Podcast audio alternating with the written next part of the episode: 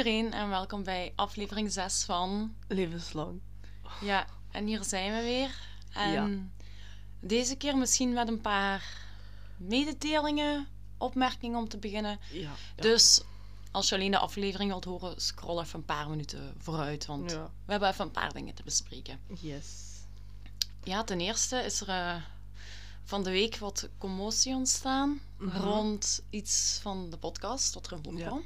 Inderdaad. Ik ga het gewoon zeggen, het ging over het feit dat in aflevering 51 ik een boer liet. Ja. En dat werd Niet zo goed. onthaald. Ja. Ja, Dat daar was er commotie rond, waardoor dat... eh, Een hele discussie is ontstaan. ja, en er eigenlijk veel negatieve aandacht onze richting is, is uitgekomen. Dat hebben we ook gemerkt Mhm. aan de reviews, aan de opmerkingen, Ja. aan, Toch, ja. Zeker. aan alles wat. En Dat is gewoon jammer. ja, we vinden het heel oké dat iedereen zeker zijn mening zegt. En we willen Mhm, daar ook zeker tuurlijk. iets mee doen. Want wat we wel eruit meenemen is dat we vanaf nu wat meer knippen en plakken. Mhm. Ja, Dat Eh, ehm, maar Dus, ja. voor de rest, ja, wij hebben super graag feedback. We horen ook heel graag inderdaad wat er beter kan, ook. maar op een fatsoenlijke manier. We vragen dat op een opbouwende manier, Manier. dat we er echt iets mee kunnen doen. En niet iets... Hoe zal ik het zeggen? Iets lachends van maken. Of ja, Ja. ik weet... Ja, Van mij mag je met ons lachen, wij lachen ook met onszelf. ja, maar er is een grens. Ja, maar dat is dus het enige wat we erover willen Ja, zeggen. Voor de Niet te rest, veel. bedankt wel aan alle nieuwe volgers. Ja, dat is wel... Dat hebben we Dat wel. hadden we er wel uit kunnen halen. Ja, dat toch? wel. Maar al ja, mensen moeten gewoon volgen omdat ze het leuk vinden. Ja. En niet voor. Ja, ik weet niet. Ja, ik, ik hoop dat degenen die luisteren het goed doen, omdat ze het gewoon leuk en interessant vinden. En Niet rond. Ja, dat dat op een. Ja, hoe moet ik het? Ik weet niet, ik kom niet uit mijn woorden. ja, ik wil graag gewoon, we willen gewoon nog eens heel graag vragen, denk ik, voor opbouwende feedback. Ja, Eh, via mail, via Instagram, via Facebook, dat kan allemaal. eender wat. Eender wat. Maar ja, goed. Dus dat was eh, punt 1. We hebben ook Ja. nog een punt 2 en een punt 3. Oh ja. En ja. dat wist jij niet. Ja, nee. Oh, dat wist ik niet. Alhoewel, misschien wel. Oké, punt 2 is dat we van een luisteraar een bericht hebben gekregen. Die dat ehm, iets aan te merken had, of, of wat extra info had vertellen over een van de vorige afleveringen. Ja, Eh, was dat niet van de, ja. ja, van de vorige aflevering? Nee, niet Nee, van de vorige, ehm, namelijk van aflevering 2 van Nancy Spangen. Ah ja. En in aflevering 3 van Jerry Bruce, ehm, daarin wordt twee keer de term schizofrenie aangehaald. Mhm. En ik heb in die afleveringen wel proberen uit te leggen dat ze dat vaak nog zien als gespleten geest, maar dat dat niet is en dat het meer met Ja. psychose gevoeligheid te maken heeft. Mhm. En de lieve luisteraar Matthias, die wist daar wat meer over te vertellen. Eh, het is blijkbaar namelijk zo dat we eigenlijk gewoon in het Nederlands en Engels met een soort taalbarrière zitten. Ja. Want in het Engels betekent de term schizofrenie, wordt daar gebruikt voor psychosegevoeligheid. Maar in het Nederlands eh, staat schizofrenie eigenlijk voor iets anders dan psychosegevoeligheid. Namelijk iemand met schizofrenie in België wordt gezien als iemand die dat met medicatie behandeld is voor psychoses, maar door ja, veel bijwerkingen van de medicatie en zo komen ze dan uiteindelijk bij een serie van symptomen uit die dat dan maken dat iemand schizofreen is. Dus zoals ik het heb Ja. begrepen, is eigenlijk iemand die psychosegevoelig is en dan behandeld wordt met medicatie, door alles wat erin wordt gestoken, wordt die persoon eigenlijk meer schizofreen gemaakt. En gaat het puur over psychosegevoeligheid. Dit is puur wat ik ook Ja, eruit begrijp. Misschien heb ik het ook weer niet helemaal goed begrepen. Maar dus eigenlijk, als je in het Engels de term schizofreen hoort, betekent dat in het Nederlands psychosegevoelig. Dus niet letterlijk ja. ook Ja, ja. het schizofreen, hoe wat, wat wij eh, schizofrenie bezien en benoemen. Dus dat was even nota 2. Dankjewel, Matthias, voor de verduidelijking bij de uitleg. En dan hebben we nog punt 3. Wij zijn een beetje aan het spelen met de gedachte om in de zomer een special te doen. Oh ja, Ehm, dat is waar. waarover, dat gaan we natuurlijk nog niet verklappen. Maar we zijn nog wat aan het twijfelen of we het zouden doen. Het zou ook niet letterlijk alleen over ehm, moord gaan. Het zou meer over een volledig complottheorie gaan. Mhm. En wij vroegen ons af of dat jullie luisteraars geïnteresseerd zouden zijn in zo'n special. Maar ja, dat is dan ook wel meer dan één aflevering. Ja, waarschijnlijk wel, want het is iets waar zoveel over te vinden is. Mhm.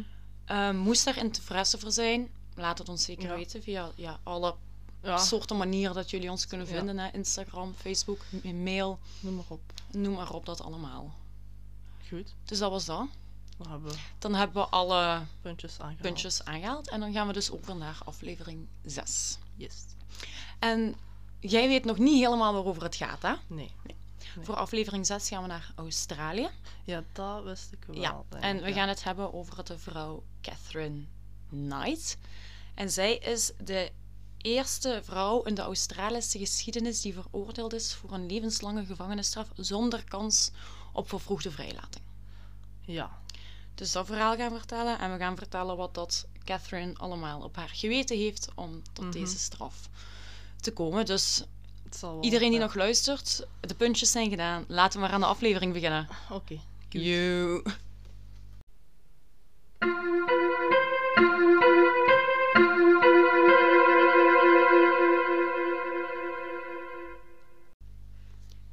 Ik weet dat ik net zei dat we het over Catherine Knight gaan hebben, maar om de hele situatie te schetsen moeten we even terug naar voor haar geboorte. Ja. Dus we beginnen hiervoor bij andere mensen, namelijk bij Barbara Rogan en Jack Rogan. Die twee die waren getrouwd en ze woonden in het kleine dorpje Aberdeen in New South Wales, Hunter Valley in Australië. Barbara en Jack die hadden vier zonen samen. Voordat Barbara eigenlijk een affaire begon met Ken Knight. En hij was een vriend en collega van Jack. Ja. Dus ze ging eh, Ja, scheef. scheef poepen met ja, een collega Een van haar man. En de beide families die waren eigenlijk heel bekend in het conservatieve dorp, waardoor toen die affaire uitkwam dat dat een volledig schandaal werd. Dat was Ja, ja. ja dat mocht niet, dat kon niet. En Barbara, die op dat moment voor Ken had gekozen, die Mhm. moest hierdoor verplicht verhuizen. En ze verhuisde naar Marie. Ook in Australië. En geen van de vier zonen ging eigenlijk mee met, eh, met Barbara en Ken. Want de twee oudste bleven bij de papa wonen en de twee jongsten gingen bij een tante in Sydney wonen. Dus ze verhuisden met Ken naar Marie en Barbara en Ken kregen ook nog eens samen vier kinderen. En dit zijn vier meisjes. Dus Barbara heeft op dat moment vier zonen en vier dochters. En als allerlaatste van de vier meisjes krijgen ze op 24 oktober 1955 een tweeling. Namelijk Joy en Catherine. De Catherine waar we het over gaan hebben. Ja. Maar vier jaar later, in 1959, sterft de ex-man van Barbara, dus Jack Mhm. Rowan. En waar het gezin eerst vier kinderen telde, worden het er nu zes, omdat de zonen van Jack Ja, de twee oudste. de twee oudste bij, bij hun komen wonen. Dus Ja. het gezin, gezin van zes wordt nu acht. Ja. En de oma van Barbara, dat was blijkbaar een inheemse Australische Mhm. van de oorspronkelijke Marie area. En zij was getrouwd met een Ier. En de oma van Barbara, dus de overgrootoma van Catherine, die was daar super trots op. En die beschouwde hun familie en gezin ook een beetje als de Aboriginals, alsof ze van de Oh, ja, ja. waren. Maar tijdens het leven van de kleine Catherine waren ze in een omgeving opgegroeid die nogal racistisch was. En daarom Ja. werd dit eigenlijk een familiegeheim gehouden. Dat zij ja, een beetje afstanden Van- van de Aboriginals. En dat geheim houden, dat was voor de, voor de kinderen eigenlijk allemaal een bron van stress. Ja, ja, ja. Waardoor dat Catherine ook helemaal niet close was met haar oma of ouders. Mhm. Ze was eigenlijk alleen maar close met haar tweelingzus Joy en met haar nonkel Oscar Knight. En Oscar Knight was een kampioen ruiter. Hmm. Maar, even spoiler, ehm, haar, haar nonkel Oscar die pleegt in 1969 een zelfdoding. En Hmm. in dat jaar van 1969 zal de familie ook terug naar Aberdeen Ja. verhuizen. Maar dat is dus later. We zitten nu nog in het jaar begin jaren 60. Oké. Ja, hè, want Catherine is geboren in 1955, zoals ik zei. Wel erbij blijven, hè? Ik blijf erbij. Blijf want het is heel gecompliceerd. Nu al. Maar ik blijf volgen. Dus vertel maar Het door. is nu al gecompliceerd. Veel Nou, het, zijn gewoon, het zijn gewoon veel mensen. Ja. En als we gaan kijken naar de jeugd van de kleine, kleine Catherine, dan was dat ook niet alles, want haar papa Ken, die was heel zwaar alcoholverslaafd en hij was fysiek gewelddadig naar Barbara toe, dus naar de mama toe. Oké.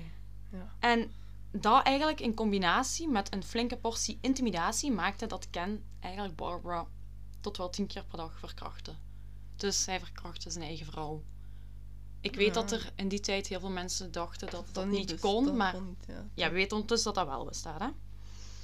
En wat deed Barbara om met die gevoelens om te gaan? Die vertelde dat eigenlijk heel vaak aan haar dochters. Dus die vertelde aan haar dochters Ja, alle details over haar seksleven en hoe hard dat ze mannen haat en hoe hard dat ze seks haten. En die Oh. vertelde dat allemaal aan die kleine. oh Meisjes? God. No. Ja. Dat is raar. Inderdaad wel een beetje. Nu, Catherine die claimt zelf dat ze tot haar elfde regelmatig seksueel Mhm. misbruikt is door familieleden. Maar niet door haar eigen papa. Dat zegt ze wel. Ah, Ze is misbruikt door familieleden, maar niet door Ken, die wel de, ja, de mama Ja, ja, wel. misbruikte. Ja. En blijkbaar, toen dat ze een keer naar haar mama ging om te Mhm. vertellen dat een van de collega's van, van haar mama seks wou met Catherine, met kleine Catherine, en dat ze dat eigenlijk helemaal niet wou, zei de mama, ik quote, dat ze het maar moest verdragen en moest stoppen met klagen. Dat is, Dus dat was ook nog niet eens echt een geheim. Dat was in de familie wel geweten dat Catherine misbruikt werd. ja, door, ja. Eender wie. ja, door eender wie, door familieleden, het was geweten. En dat Ja. alles is later ook gewoon wel bevestigd door de familieleden. Dus dat is niet een verzinsel, dit is effectief bevestigd geweest. Oké. En als we dan naar de puberteit gaan kijken van eh, Catherine, dan Mhm. ja, we kunnen zien dat hij dus een verschrikkelijke kindertijd had met misbruik en geweld. Ja. En hierdoor krijgt ze ook in haar puberteit wel een aantal problemen. Ja, dat is, dat is logisch, Ja. denk ik. Ze ging naar Muswellbrook High School. En op school werd ze eigenlijk beschreven als een loner en als een pestkop. En ze ging eigenlijk voornamelijk kinderen pesten die letterlijk een lengte kleiner waren dan haar. Ja, Dus die ze makkelijk kon overmeesteren Ja, ja, ja. eigenlijk. En die ging ze dan viseren. En het is ook geweten dat ze minstens één jongen aangevallen heeft met een wapen. Oh, Wat dat wapen is, dat weet ik niet. Dat is wel... eh, Alles kan een wapen zijn. Ja, ja. En dan is er ook nog een incident waar, dat ze, waar dat Catherine verwond is geraakt door een leerkracht. Ja, maar die leerkracht heeft dat moeten doen uit zelfverdediging, omdat. Catherine hem aanviel.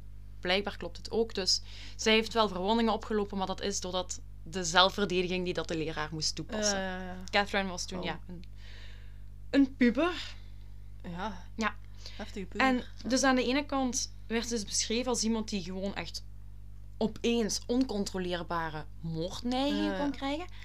En anderzijds was ze eigenlijk ook een mo- modelstudent en ze won redelijk vaak awards op school voor goed gedrag.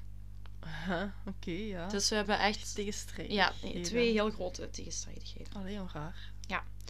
En op haar vijftiende stopt Catherine al met naar school gaan. En op dit punt kan ze nog niet lezen of schrijven. Huh? Op je 15? Ja, het is wel natuurlijk op haar vijftiende, was dus 1970. Ik weet niet of dat toen al nog normaal was of niet eigenlijk. Allee, ja. Luisteraars die in de jaren 70 hebben meegemaakt, we, weten dat jullie er zijn aan de statistieken. Was dat in, in, in de Ja, jaren maar- 70 normaal om, om op je. 15 al met school te stoppen? Of ja, maar niet kunnen leren lezen. Of ja, Ja. niet lezen Nee, en, nou, en daar- te- nee, dat kon ze maar op niet. je 15e. Ja. En eigenlijk na school vindt ze dus ook op haar vijftiende een job in een kledingfabriek. Maar na één jaar geeft dienst haar ontslag in, want ze zegt dat ze haar droomjob gevonden heeft. Oh, oké. Dat is Catherine. beter. En wat is die droom, droomjob? De droomjob. Was de droomjob? De droomjob. de droomjob van Catherine. Zij, wordt, zij mag namelijk het slachtafval gaan versnijden in het lokale slachthuis Oh. van Aberdeen. Oh god. Dat is, ja. Ja, dat is echt ja, Een dat- droomjob. Een droomjob. Oh god, ja. En al, het duurt niet lang voordat ze eigenlijk al gepromoveerd wordt. En van het slachtafval versnijden ging ze naar vlees uitbenen. En ze kreeg ook haar eigen officiële slagersmessenset Wauw. op dit punt. Dan heb je toch wel iets bereikt. Ja, precies. zij, ja, ze- Ja, voor haar dus wel. Ze En was helemaal in alle staten. Ja, ze was in alle staten. En thuis hing ze de messen op rond haar bed. Dus zo rond de Mhm. rand van het bed. Met als uitleg dat ze die misschien, indien ze die nodig zou hebben. Kunnen gebruiken. Ja, en dit bleef ze ook doen tot haar opsluiting. Dus totdat zij bleef ze die messen rondhangen in geval van. Oh. En dat zou komen vanuit haar ja, kindertijd. Ja. Dat ze zoveel ja, heeft Ja. moeten opletten. En waarschijnlijk ook op het moment wel heeft gevreesd voor haar leven. Mhm. Ja. In 1973, als ze 18 jaar is, ontmoet ze in het slachthuis haar nieuwe collega, David Stanford Kellett. Vanaf nu gaan we hem aanspreken met Kellett, want Catherine heeft nogal de gewoonte om mannen met dezelfde voornaam uit te kiezen. Ik weet niet of dat toeval is, maar Ah, we echt? spreken Oké. deze meneer aan met Kellett. Kellett was een zware drinker doordat hij twee traumatische ervaringen op zijn vorige job bij de spoorwegen in Coffs Harbour heeft meegemaakt. Hm. Het eerste incident was dat hij zijn beste vriend recht voor zijn ogen onder een trein zag belanden bij een werkaccident. Oh, oké. Ja. Heftig. En daarna heeft hij ook nog een trauma opgelopen doordat hij gewonde kinderen moest redden die in een schoolbus zaten toen deze crashte met een trein. Oh, Waarbij ook zes kinderen het leven lieten. Dat is, ja. Ja, en dat is wel... door die trauma's begon hij wat af te takelen, kon hij niet meer goed presteren en hij werd uiteindelijk daarvoor ook ontslagen. Ja, Ja, dus Hij wordt ontslagen. spiraal. ja, neerwaartse spiraal en ook weer totaal geen begrip voor eh, Ja, voor- ja, de persoonlijke omstandigheden. inderdaad. Ja. Nu, hij vindt wel al heel snel werk bij de slachterij, waar hij natuurlijk dan Catherine ontmoet. Mhm. En die twee komen eigenlijk heel goed overeen. En eigenlijk heel vaak wanneer dat Kellett ruzie had met iemand, kwam Catherine haar vaak verdedigen, letterlijk met haar vuisten. Mm. Dus zij verdedigde hem Graag. Meer. En Catherine was op dit punt ook nogal berucht in Aberdeen voor het fysiek bedreigen van iedereen die haar ook maar een klein beetje tegenstak. Ja, dus het minste beetje dat iemand ehm tegen wordt gehad. te- of zo, tegenwoordig was, ging ze ze fysiek bedreigen. Dat is ook een oplossing, ja, maar niet Ja, de juiste. inderdaad. En Catherine en Kellett die trouwen al in 1974, dus een jaar later, Snel. omdat Catherine Mhm. hier dit verzocht had en wat op aangedrongen had. Ah, oké. ja, dus een hij gaf toe, Gedwongen. Kellett gaf toe en trouwde met Catherine. En op hun trouw kwamen ze aan op de ceremonie met een motor en die eh, Catherine bestuurde en Kellett zat achterop op het zitje. Oké. En Barbara, dus de mama van Catherine, die pakte Kellett eigenlijk meteen apart voor de ceremonie om hem advies te geven. En Oh ja. Kellett had dit te zeggen over het advies. Ik quote. De oude vrouw zei me dat ik voorzichtig moest zijn, want je houdt haar beter in de gaten of ze zal je fucking vermoorden. Werk haar tegen of doe iets fout en je bent gefokt. Denk er zelfs niet aan om haar te bedriegen, want ze zal je fucking vermoorden. En dat komt dan van de moeder. Ze zei dat Catherine een steek los had. Het is unquote. Ja, ja, het is... eh, Dus de eigen mama ging eh, de toekomstige schoonzoon even net op de ja, valreep waarschuwen Van wat er kan dat gebeuren. haar dochter Ja, ja. niet in orde was. Ja, dat, ja, niet in orde. Wat er kan gebeuren als, er, als hij iets Ja. fouts doet. Ja, inderdaad. En dit komt ook wel heel snel naar boven, want tijdens hun huwelijksnacht probeert Catherine Kellett te wurgen omdat hij maar drie keer seks met haar had gehad voordat hij in slaap viel. En zij wou meer. Oh god. Ja, dus ze heeft hem proberen wurgen. Oh. Gelukkig eh, niet gelukt, maar ja. Oh, dat is eh, heftig. Ze had uiteindelijk ook een heel gewelddadig huwelijk. En op een keer had een hoogzwangere Catherine, dus toen ze zwanger was van hun eerste kindje, Mhm. had ze al Kellett zijn kleding en schoenen verbrand en hem daarna met een strijkijzer op het achterhoofd geslagen.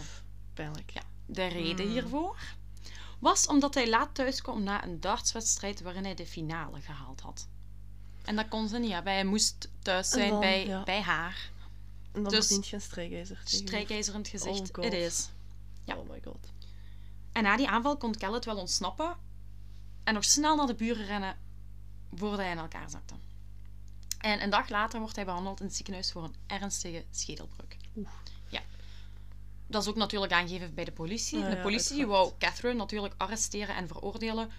Maar Catherine was nogal goed in eh, Manipuleren. mensen overhalen, Ja. manipuleren. En ze overtuigde Kellett ervan om de aanklacht in te trekken tegen haar. Dus werd ze ook niet gearresteerd. Ja, ja, op, ja.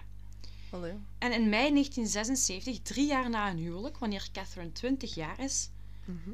wordt hun dochter geboren, Melissa Ann. Ja, de exacte datum heb ik niet gevonden, Mhm. maar Melissa wordt geboren en kort daarna, dus in mei 76, verlaat Kellett Catherine Ja.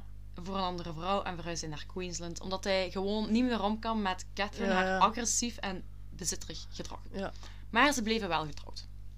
Dus Oké. hij verliet haar, maar ze waren officieel Nog altijd getrouwd. waren ze nog altijd getrouwd, ja. Oh, gaar. En één dag nadat Kellett Catherine heeft verlaten, wordt ze gezien terwijl ze de buggy met de pasgeboren baby in Ja. voortduwt, terwijl ze die hardhandig van de ene naar de andere kant eigenlijk duwt.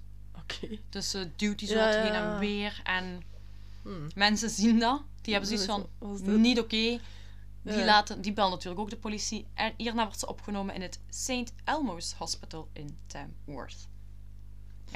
Oké. Dus ja. ze wordt daar binnengebracht en ze wordt er eigenlijk gediagnosticeerd met een postnatale depressie.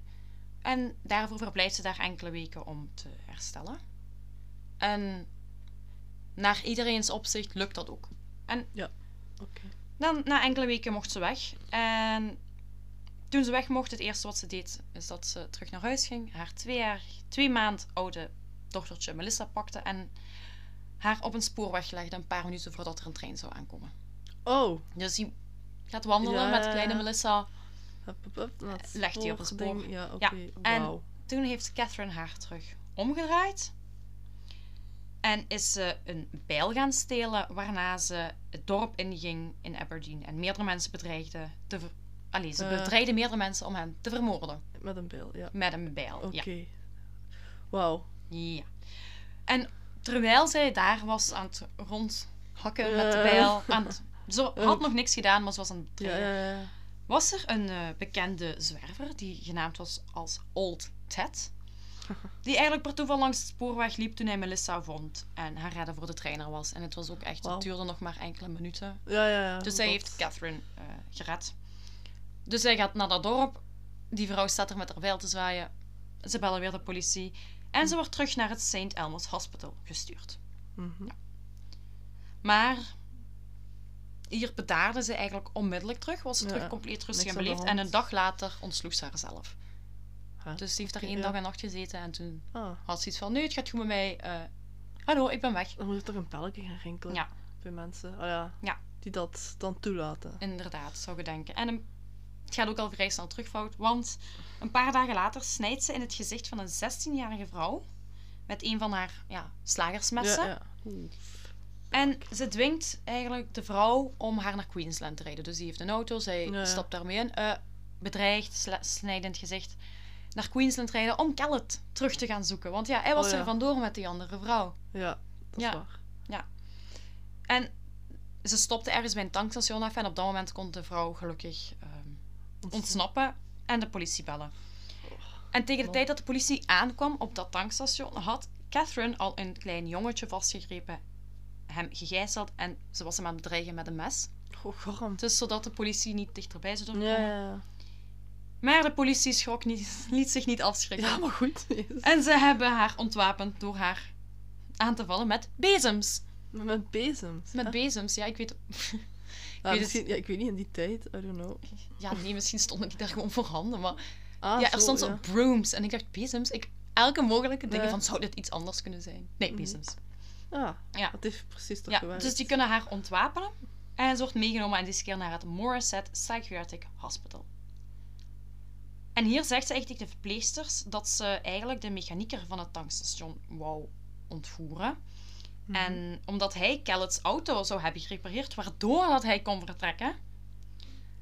Ja, Mhm. dus ze wou eerst eigenlijk hem gaan...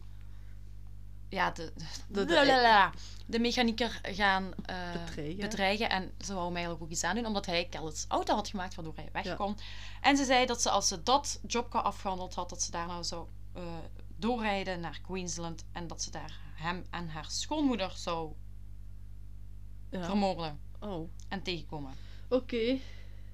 Ja. Fel. Felle vrouw. Ja, en wat doet de politie? Die bellen even naar Kellet in Queensland. En die vertellen dat Ah, ja. vrouw in Ja, psychiatrie is opgenomen en het plan had om hem en zijn, zijn moeder dan te, te vermoorden. vermoorden. Oh god. En wat doet, lieve schat, wat doet elke normaal denkend mens nu?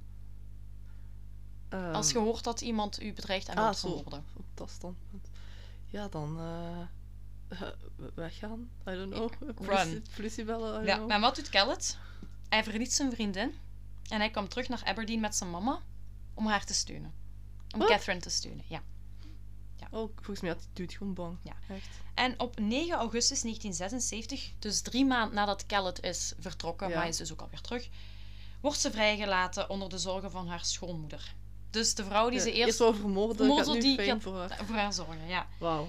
En ze verhuist dus met haar schoonmoeder en met Kellet naar Ipswich, een stad ten westen van Brisbane. Daar heb ik wel eens van gehoord. Ja, ik ook. Ik heb ook al van Zo'n Ipswich grappige naam. Ja. Ipswich. En hier vond ze eigenlijk ook vrij snel terug werk, terug in de vleesindustrie. What else? Ja, what else? En op 6 maart 1980, als ze 24 is, krijgen ze een tweede dochtertje genaamd Nat- Natasha. Natasha? Natasha, ik kan mijn eigen schrift niet lezen. Natasha Marie. Natasha Marie, ja. En ze is eigenlijk nog heel jong, hè? Dat moet me nu ook even... Ja, ja, Catherine is op dit punt jong. 24, hè? Dus onthoud, die, die is nog maar 24, En die hè? heeft allemaal zo'n... En die heeft, ja. Ja, oké. En-. Vier jaar later, 1984, verlaat Catherine Kellett. Dus nu is het omgekeerd.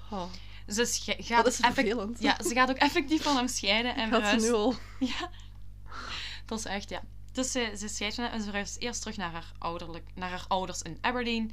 Waarna ze een eh, huisje huurde in Muswell Brook, wat vlakbij Aberdeen lag. En door de verhuis ging ze dan terug in het slachthuis werken in Aberdeen. Dus weg Mhm. van Ja, de buurt van Ipswich, terug naar Aberdeen.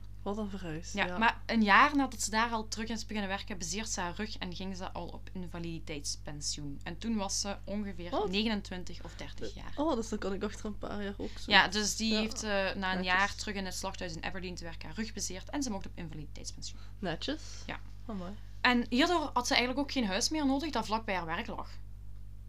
Hè? Ja, ja. Dat moest niet meer vlak bij het slachthuis liggen en ze kreeg van de regering een sociale woning hierna in Aberdeen. Omwille van haar invaliditeit. Ja, ja, ja. Ja, het is voor haar makkelijker natuurlijk, dan moet zij minder doen, uitgeven, minder kosten. Uiteraard, dat, dat Ja. klopt ook. En naderhand eh geeft Kellett, dus David Kellett, dat is de man nog toe, Mhm. dat hij ook nog een herinnering had over Catherine nadat ze vertrokken is, dat terug naar boven kwam. Hij zegt dat hij op een ochtend wakker werd omdat, Kellett, omdat Catherine op zijn borstkast zat met een mes in haar hand terwijl ze naar zijn keel aan het staren was. En ze lachte naar hem en ze zei heel rustig hoe makkelijk het had geweest om hem te vermoorden. Dat zijn casual dingen die je Ja, meemaakt. en zo, zo ja. zijn er wel meerdere voorvallen Oh gebeurd tussen die twee. Wat Ja. En, en dan nog heeft zij hem verlaten, hè? Zij ja, niet ja, ja, beter zo misschien. Dus dat was eh, relatie en huwelijk 1. Oh, ja. En we gaan nu naar relatie 2. Want in 1986 ontmoet ze namelijk de 38-jarige mijner David Saunders. We hadden net David Kellett en nu David Saunders. Oh ja, dus weer een... we gaan hem Saunders noemen, jongens. En na een paar maanden van daten trekt eh, Saunders bij haar, bij haar en haar twee dochters in. Mhm. Want ze had dus wel de twee dochters. Mary, eh, Natasha, Natasha en Melissa had ze wel meegenomen. Ja, dus die waren niet bij, bij, eh, De vader. bij Kellett. Nee, die waren dus bij Catherine. Ja. En dus na een paar maanden trekt Saunders in bij haar en haar twee dochters. Maar hij behield wel nog zijn eigen appartement in Scone. Gewoon in geval... Van moest het Kan, ja. Ja. En het duurde in deze relatie ook niet lang voordat Catherine nogal jaloerse ideeën kreeg over wat Saunders allemaal deed wanneer zij niet in de buurt was. En ze gooide hem hiervoor vaak buiten. Oké. Dus gelukkig had zij dan zijn appartement nog, want dan trok hij Ja, terug zijn appartement. appa- Dus dan keerde hij terug naar zijn appartement en volgde zij hem om dan te smeken van kom toch terug bij mij. Oh, dat is echt... Ja, dus Catherine gooit hem buiten, hij gaat naar zijn appartement en dan smeekt zij hem om terug Ja, te komen. Ja. Oh god. Die weet niet wat hij wil. Vervelend. En in mei 87, dus jaar nadat ze elkaar ongeveer Mhm. kennen, snijdt ze als voorbeeld de keel door van Saunders zijn twee maand oude dingo puppy. Wat? Ja, ze snijdt de keel door van Saunders twee maand Oh. oude dingo puppy vlak voor zijn neus en ze zegt erbij dat het een voorbeeld is wat er met hem zou gebeuren als zij ooit bedrog zou plegen. Waarna ze hem knock-out slaat met een pan. Zo. God. Ja. Run. Die vrouw is Zo. moeilijk. Die vrouw is Moe- moeilijk. is nog een understatement. Ja. Wat? Oh god. En ondanks dat blijft ze samen met Saunders. En oh in nee. juni 19... Red flags all Ja. over it. En in juni 1988, wanneer Catherine ondertussen 32 jaar is, krijgt ze een derde dochter genaamd Sarah. Dus nu met een andere man, met Saunders. Ja. Oké, ja. ja. En doordat het gezin nu toch weer ja, uitgebreid is met iemand, eh, besluit Saunders om een lening af te sluiten voor een andere en betere woning, voor een Mhm. een grotere woning.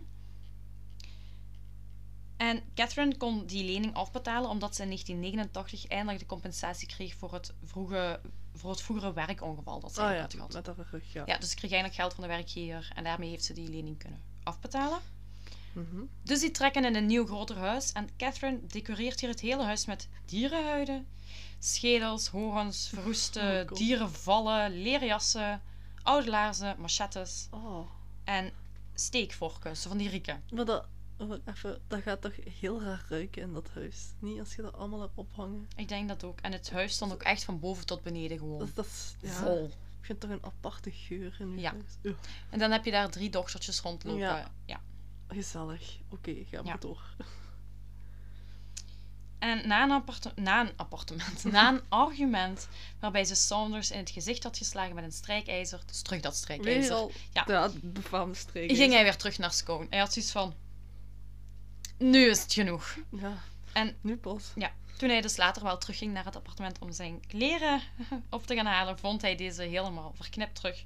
Oh god. En door dit alles had hij eigenlijk echt lang verlof nodig van zijn werk, gewoon om te kunnen schuilen van Catherine. Want hij had Ja, echt ja. zoiets van, die gaat mij iets aandoen, Ja, ik ja. moet mij kunnen schuilen, ik kan niet naar het werk gaan. Ja, ja. Dat gaat niet. Dat En. Catherine die probeerde hem ook eh, te zoeken, maar te vergeefs. Ja, Dus hij ja. kon, wel, Ontsnappen. Hij kon wel wegblijven. En een aantal maanden later keerde hij terug voor zijn dochter te zien, dus voor Sarah te zien. En toen kwam hij erachter dat ze naar de politie was gestapt om te melden dat ze eigenlijk bang was van Saunders. Ja. Dus terwijl hij voor haar Ja. was, ging zijn politie. "Oh, ik ben bang van hem. Waarna ze een arrestatiebevel kreeg tegen hem. Dus hij komt terug voor zijn kleren, wil zijn dochter zien en, Mocht niet. en mocht niet, want er is een arrestatiebevel tegen hem Ja. uitgevaardigd. Catherine heeft het zo gedraaid dat hij te schuldig was. Is er een contactverbod? Nee.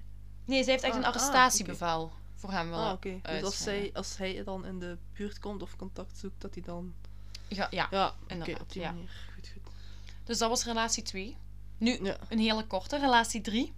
Dat is maar heel kort. In 1990, wanneer ze 35 jaar is, wordt ze zwanger van een voormalige collega van haar, namelijk John Chillingworth. Dus Ja. in 1990 wordt ze zwanger en een jaar later bevalt ze dan ook van het kindje en het is een zoontje genaamd Eric. Oké. De relatie tussen haar Mhm. en John Chillingworth duurde drie jaar voor ze hem verliet voor een minnaar van haar, Oh, John Price. oké. Dus nu gaan we naar relatie Vier. 4. Goed. Ik En oh boy, laat dit de laatste zijn. Wie zal het zeggen? Mhm.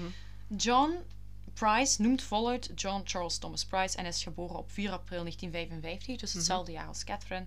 Ja. En hij was op het moment dat hij Catherine ontmoette al eh, vader van drie kinderen. Op het moment van de affaire Ja, had hij dus zelf ook drie kinderen, dus zij had er al Vier? Nu vier, hè? vier, ja, Vier. drie dochters en een zo, zoontje en hij had zelf drie kinderen. Ja. En- gezin. Hij werd eigenlijk beschreven, John Price, dus nu Price, want we hebben het nu ineens twee Johns achter elkaar. Ja, John ook. Chillinger, John Price. En Price die werd eigenlijk beschreven als een, quote, terrific bloke. Die door iedereen ook wel wel ge- gemogen was. Iedereen Ja. vond die wel fijn, hij was een aangename man. En zijn eigen huwelijk, waaruit hij de drie kinderen had, dat was gestrand in 1988. Oké. Dus een aantal jaar voordat hij ja, Ja. Catherine leert kennen. Juist. En ehm, zijn tweejarige dochtertje was bij zijn mama gebleven, maar de oudste twee kinderen leefden wel bij hem. En dat Ja. waren een meisje en een jongen. Dus hij had twee meisjes, één jongen en de oudste twee waren bij hem. Oké. En op het moment dat ze een affaire hadden en zo, wist Price al eigenlijk van Catherine haar agressieve reputatie. En ondanks dat trekt ze bij hem in in 1995. Oké, dat is... Ja. Bold move. Ja, en, en, en de kinderen van Price, dus zijn twee kinderen, die vonden haar wel leuk. En hij verdiende veel geld door in de mijnen te werken. En Mhm. ondanks de agressieve discussies beschreven ze het in het begin toch wel als... Like, hun relatie beschreef ze als... A bunch of roses. Een bunch of A roses. bunch of roses. Dus dat was hun eh, relatie. Dus ondanks Alles. alles Is het toch dat? Was het toch dat. Maar eh, drie jaar nadat ze bij hem intrekt, in 1998, krijgen ze een hevige ruzie omdat eh, Price niet met haar wou trouwen. Hmm. Ja, hij wou niet meer trouwen en daar was ze niet mee gediend. En als wraak daarop filmde Catherine alle spullen die dat Price ooit gestolen had van zijn job. Want Oh, daar hield ja. hij zich zo wel wat mee bezig, side note. En ze stuurde de video van alle, van alle spullen naar de baas van Price. Oh. En ondanks dat, dat de, ondanks dat de gestolen spullen eigenlijk al aftans waren en toch niet meer gebruikt werden, werd hij na 17 jaar in dienst te zijn van de mijnen Ja. toch ontslagen. Fel. En die denkt, what the fuck, die vriendin van mij, dat kan niet. En diezelfde dag nog gooit hij haar buiten. En, en zij ging dan terug naar haar eigen woning, want ze Ja, had ja. dan toch nog het, het huis. Ja. En daar keerde zij dan naar terug, terwijl ehm, het nieuws eigenlijk dat hij haar had buitengegooid al heel snel de ronde ging. Oké. Dus zij was nog nauwelijks weg uit Eh, het huis bij Price of het nieuws ging al de ronde dat hij haar had buitengesmeten, Ja. omdat zij voor zijn ontslag had gezorgd. Ja. En om de een of andere manier leert ook deze man het niet. Want na een paar maanden besluit Price om hun relatie toch een tweede kans te geven. Op voorwaarde dat ze niet meer bij hem mochten intrekken.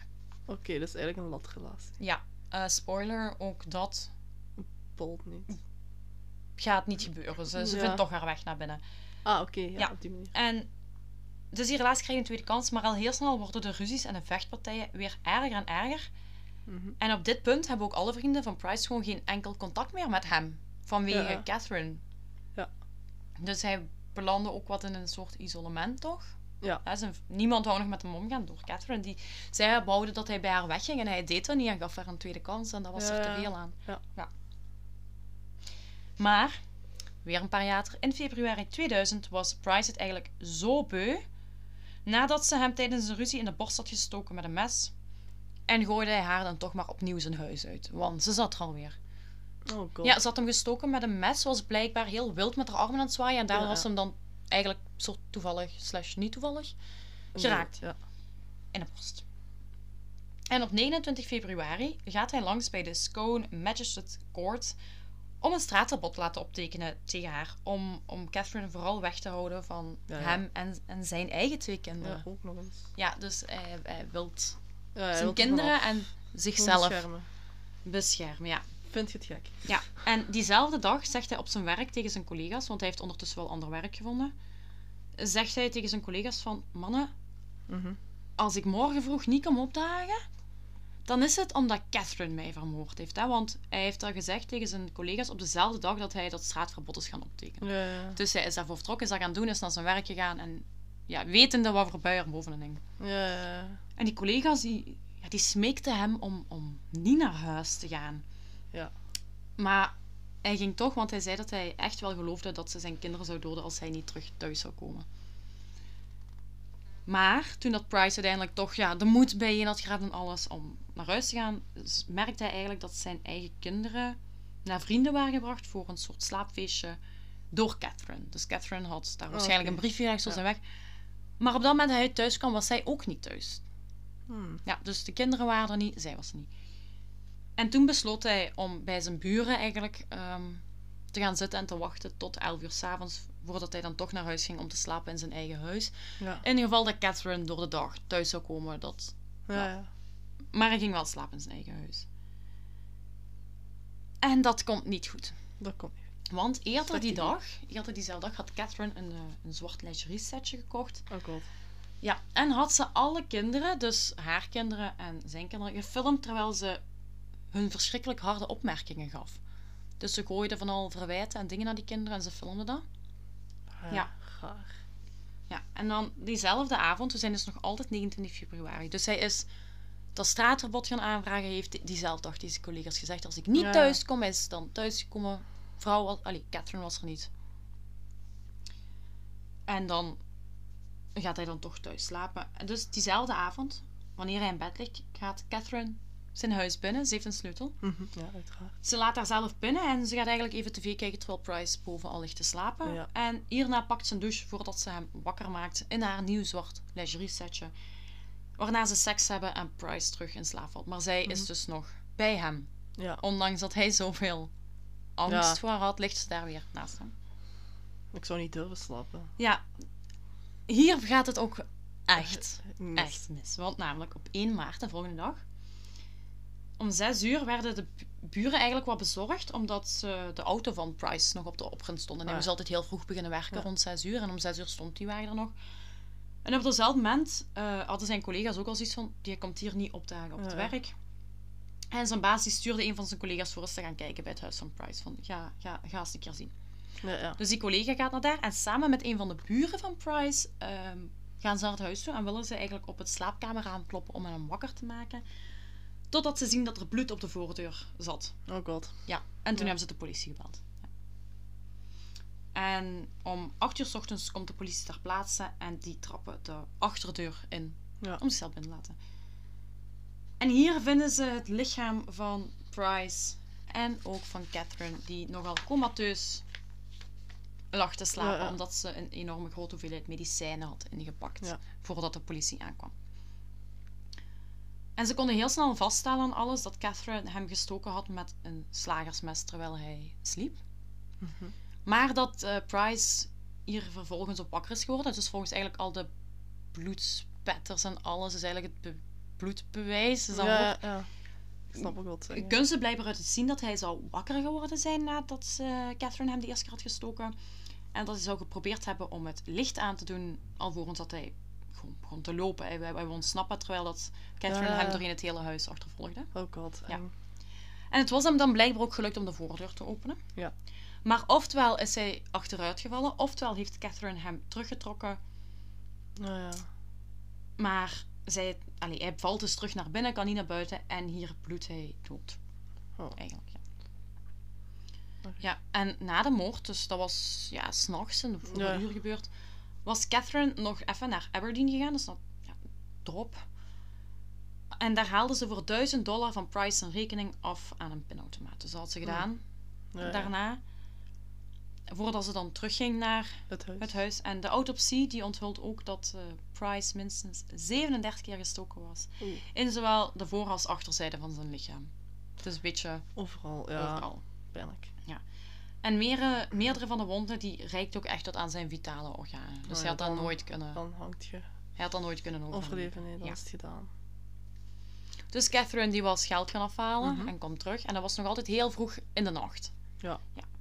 En een aantal uren nadat Price dan overleden was, Mhm. en nu komt het, had Catherine hem gevild en had ze zijn huid aan een vleeshaak gehangen aan de deur van de living. Oké. Dus ze had zijn huid gevild eraf ja. gehaald en dat hing op aan een vleeshaak die aan de deur aan de living hing. Eeuw. Hierna, nadat ze hem eh, gevuld heeft, heeft ze hem on- onthoofd en delen van zijn lichaam afgesneden om te koken. Oh. Dus ze had dat vlees gekookt en dit heeft ze ges- geserveerd met gebakken aardappelen, rode biet, courgette, kool, pompoen en vleessaus. Dus het klinkt ook nog eens als zo'n compleet gewone maaltijd, alsof daar ik weet niet wat bij zit. Maar het is dus gebakken price. En ze had eigenlijk drie borden klaargemaakt met het eten, waarvan ze er twee op tafel had gezet met de namen van de twee kinderen van Price op, dus van zijn eigen kinderen. Ugh. Dus haar bedoeling was, Om hun papa te laten opeten. ja, eat daddy. Ja. Ugh. En het derde bord, dat werd uiteindelijk buiten gevonden, dat was weggegooid. Ja, ja, ja. Eh, ze weten eigenlijk niet waarom, maar het wordt wel gespeculeerd dat eh, Catherine een bord voor haarzelf zou hebben gemaakt, maar dat ze het toch niet kon om mensenvlees te Ja. eten. Je het gek. En dat ze die ja, dan maar naar buiten heeft gegooid, dat bord. En Price zijn hoofd werd ondertussen nog gevonden in een ketel met groenten, Oh die op het moment van de ontdekking nog tussen de 40 en 50 graden Celsius warm was. Oh. Wat dus ook suggereerde dat ze in de vroege ochtend dat gekookt hebben, want de politie is Ja, daar ja. een uur of acht en dat is nog warm, dus ze heeft dat in de Ja, vroege ochtend allemaal Dat is gedaan. nog niet zo lang geleden Nee. geweest. En enige tijd later, dus na het koken, zou ze zijn lichaam op een bepaalde manier neergelegd hebben. Namelijk dat zijn linkerarm over een lege frisdrankfles lag van 1,25 liter. Dus zijn linkerarm lag over een fles. Ja. En zijn benen waren gekruist. Wazig. En zij lag daar dus ondertussen comateus Ja. te wezen. Dus ja. dit had ze allemaal al gedaan voordat ze zelf dan allemaal medicatie heeft Ja. En in dat huis was er ook een foto van Price. En daarop lag een handgeschreven briefje van Catherine. Mhm. Aan dat briefje hing nog bloed en huidresten. En daar stond op. Dit, dit- ik ga letterlijk het briefje voorlezen. Mhm. Ehm, er staan enorm veel spellingsfouten en schrijffouten in, omdat ze natuurlijk eigenlijk helemaal niet kon schrijven. ja, dat kon ze nog ja. wel dingen. Dus ik heb het briefje, ik heb het een beetje verstaanbaar proberen te vertalen, Ja. maar dit is letterlijk wat ze zei. Time got you back, Jonathan, for raping my daughter. You to back, en back is een van de dochters van Mhm. Price. For Ross, for little John, wat dan de zoon is. Mhm. Now play with little John's dick, John Price. wazig. Ja, die zin... Dat, dat... eh, Er wordt eigenlijk in gezegd dat ze eh, iemand beschuldigt van haar dochter te hebben Verkracht. verkracht. Ja. En now play with little John's dick, John Price. ja, dat spreekt voor zijn Ja. eigen. Inderdaad. Ehm, een dus een heel vaag briefje, heel slecht geschreven. En de beschuldiging briefje die werd later ook een beetje als ongeldig geacht. Dus ze hebben dat wel onderzocht. Ja, je kunt er niet veel mee eigenlijk. Nee, Ah, dus- Er staat gewoon een hoop. Er staat veel in, maar ook weer niks. Ja, inderdaad. En, het is ook heel moeilijk om, om nog bewij, allee, bewijs te vinden voor, voor zo'n dingen. Dat is Ja, gewoon... ja. en- Dus dat wordt nietig geacht. Dus dat gebeurt allemaal. En dan gaan we door naar de rechtszaak. Want Catherine die probeerde eigenlijk om voor doodslag te pleiten in plaats van voor moord. Omdat daar Mhm. ja natuurlijk veel minder zware straffen op staan. Inderdaad. Maar dat werd meteen verworpen door de rechter. Ja. Die zei nee, dat doen we niet. En op 2 maart 2001, dus in februari slash 1 maart is een moord gebeurd van 2000.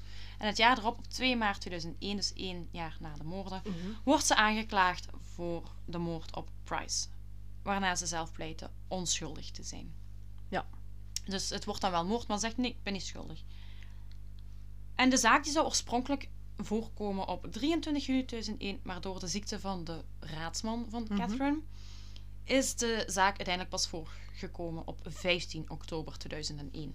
Oké. En voor deze zaak hadden ze ook een jury nodig. En de rechter, Barry O'Keefe, daar waren, die had de keuze uit 60 kandidaten, dus er waren 60 Ja. mensen opgeroepen. En hij heeft elke kandidaat jurylid de mogelijkheid gegeven om zichzelf dus te excuseren. Omwille van het zeer grafische fotobewijs. Oké. Dus natuurlijk, Ah, je hebt ja. die, ja, die huid die afgehaald is, dat hoofd. ja. Dat...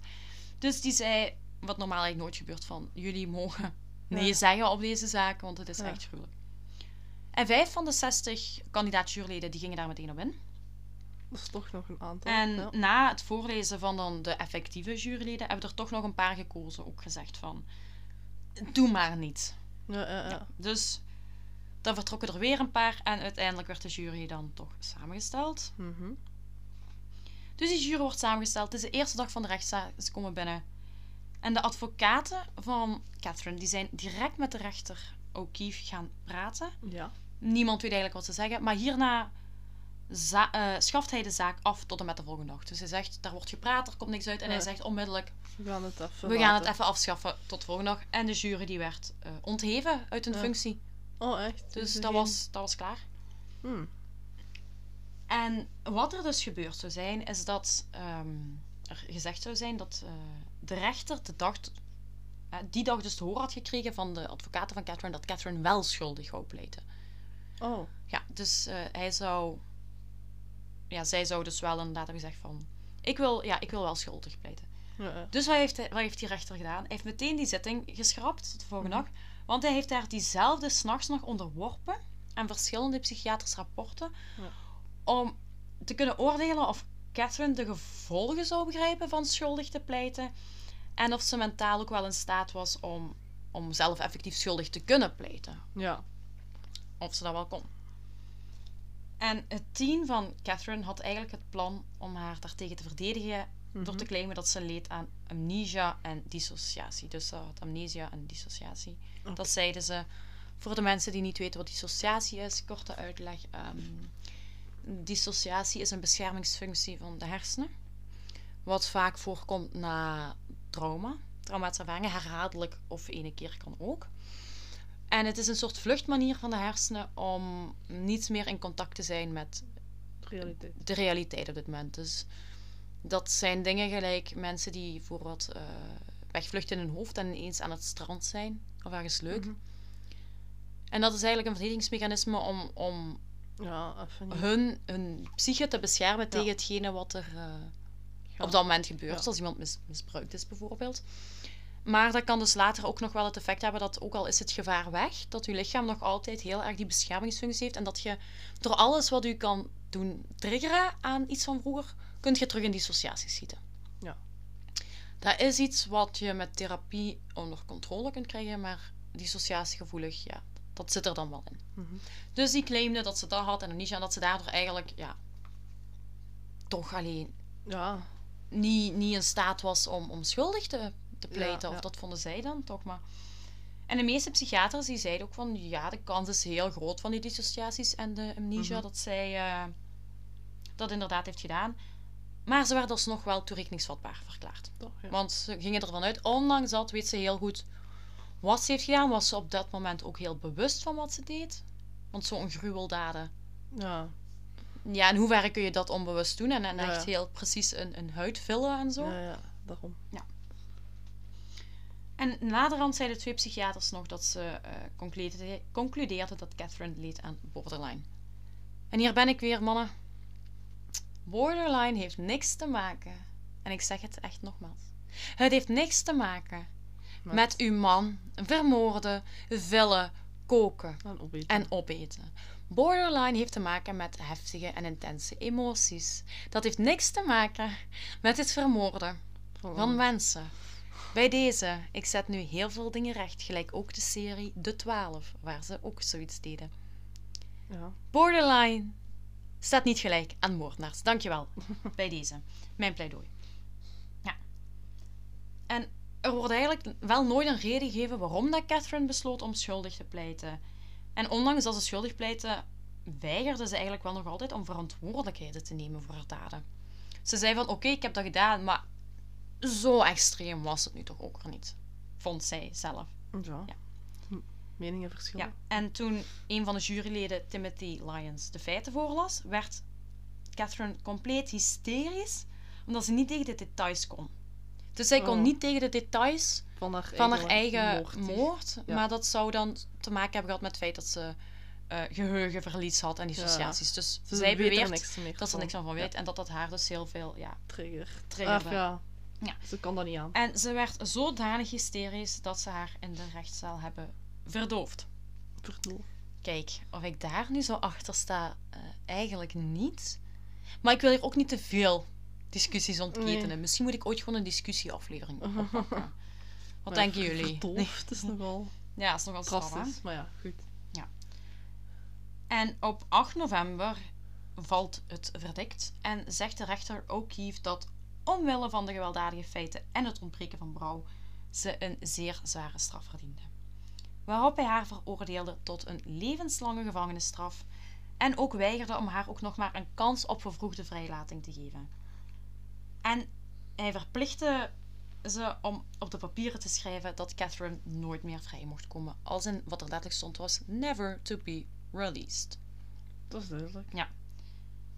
En dit is dus de allereerste keer in de geschiedenis van Australië, dus in 2000 en, eh, op 8 november 2001, wordt zij dus de eerste Ah, vrouw die wacht, wat was 8 november 2001. 2001. Oké, Wordt zij ja. inderdaad de eerste vrouw die veroordeeld wordt voor levenslange gevangenisstraf zonder kans op vervroegde vrijlating. In, in Australië. Australië, ja. Ja. Oké. Een mijlpaal. Inderdaad, een mijlpaal. Wel op iets ja, Ja, en- verhaal, maar... Een vijftal jaar later, in juni 2006, vroeg, eh, vroeg Catherine nog om haar straf aan te passen. Omdat ze de huidige straf, zonder die kans op vervroegde vrijlating, of überhaupt vrijlating, eh, die vond ze nogal heel extreem in evenredigheid tot wat ze maar had gedaan. Ja. Dus uw man of vriend 37 keer neersteken, villen, onthoofden, koken. Koken. serveren. Dat is echt niet zo erg dat je daar levenslang voor in de gevangenis moet zonder kans op Iedereen doet dat al. Ja, iedereen heeft wel eens een slippersje, Catherine. We get you. We get you. Nee. Ja. Het is terecht. En op die aanvraag eh, bogen de rechters Peter Mc, Zeg het eens. McClellan. McLean, Nee. Michael Adams en Megan Latham bogen zich over haar verzoek van gaan we dat doen of niet. En die verworpen haar verzoek in de New South Wales Court of Criminal Appeal in september 2006. Oké. Dus in september 2006 Ja, wordt dat ook ingetrokken. Met de en de reden die ze ervoor geven is dat het een vreselijke misdaad was, bijna ondenkbaar in een beschaafde samenleving. End quote. ja. Dus tot de dag van vandaag zit Catherine Knight nog altijd vast in Australië in de gevangenis. en heeft ze nog altijd geen enkele kans op vervroegde vrijlating. En die vrouw zal ook komen te overlijden Ja, ja. in de gevangenis, ga ik vanuit. Ja, want ze was van 55. Ze was van 55, dus dat maakt dat zij nu Het begint in midden 60 is. 55. Oh, Oh, rekenen. tellen, rekenen, rekenen even uit. Vijf- die is van 55. Ja, de gewoon 2022 min 1955, hallo. Ik was in mijn hoofd aan het tellen, maar mijn gsm wil niet meewerken. Wacht, hè. 2022 min... Oh god. 67. Ja, dus op dit Dank moment is ze 67. Of nee, ze moet nog 67 worden. Maar Ja. Kijk. ja, en eh, dat was de zaak van Catherine Mary Knight. Ja. Speciaal. Wat vond je ervan? Ja, ehm een gekke vrouw. ja, heel gek. Ik weet niet, ja. Bijzonder Ja, apart. heel apart. Ja, En ook gewoon dat mensen zo bij haar bleven. Haar ja dat begrijp ik ook niet goed. zo. Nee, ik begrijp dat ook echt Nee. niet. Ja. Ik heb even last van een brain fart. Ik kan er niet aan doen. Het kan niet tot mijn... Nee, het, is- heeft even door, tijd het kan niet tot mij doordringen. Ja, want ik begon ook aan de zaak met het gedacht dat eh, Ja, ja. Het niet heel lang ging zijn. En Maar het is gewoon... Ja, het is het is een heel lange heel veel geschiedenis aan mensen. Het feiten. is gewoon zoveel... Oh ja, en Het heeft gewoon zoveel mensen iets aangedaan. onder andere. Maar die ook had, ja, ze had ook veel mensen rond haar. Ze kwam uit een groot gezin, daar moet je ook al over vertellen. Ja, Dan had hij nog eens zoveel kinderen, daar moet je ook weer over vertellen. Van verschillende. mannen. Ja, Ja. voilà. Dus dan zit je toch wel even Ja. bezig. Maar dat was dus de ja, jammere, is Jammere verhaal. unieke, uniek voor de Australische geschiedenis. Ja. Het unieke Oh ja. verhaal van, ja, van deze vrouw. En dat was het weer. ja, het was Dus eh, ehm, een hele boterham. een hele boterham. Dus jongens, ik hoop dat jullie de boterham verorberd hebben ondertussen. en zoals altijd, Kunt je het nog eens een keer opnieuw afspelen om te herkouwen als je het niet hebt kunnen volgen. Voilà, inderdaad. Je kunt ons altijd opnieuw beluisteren. Zeer mooie tip.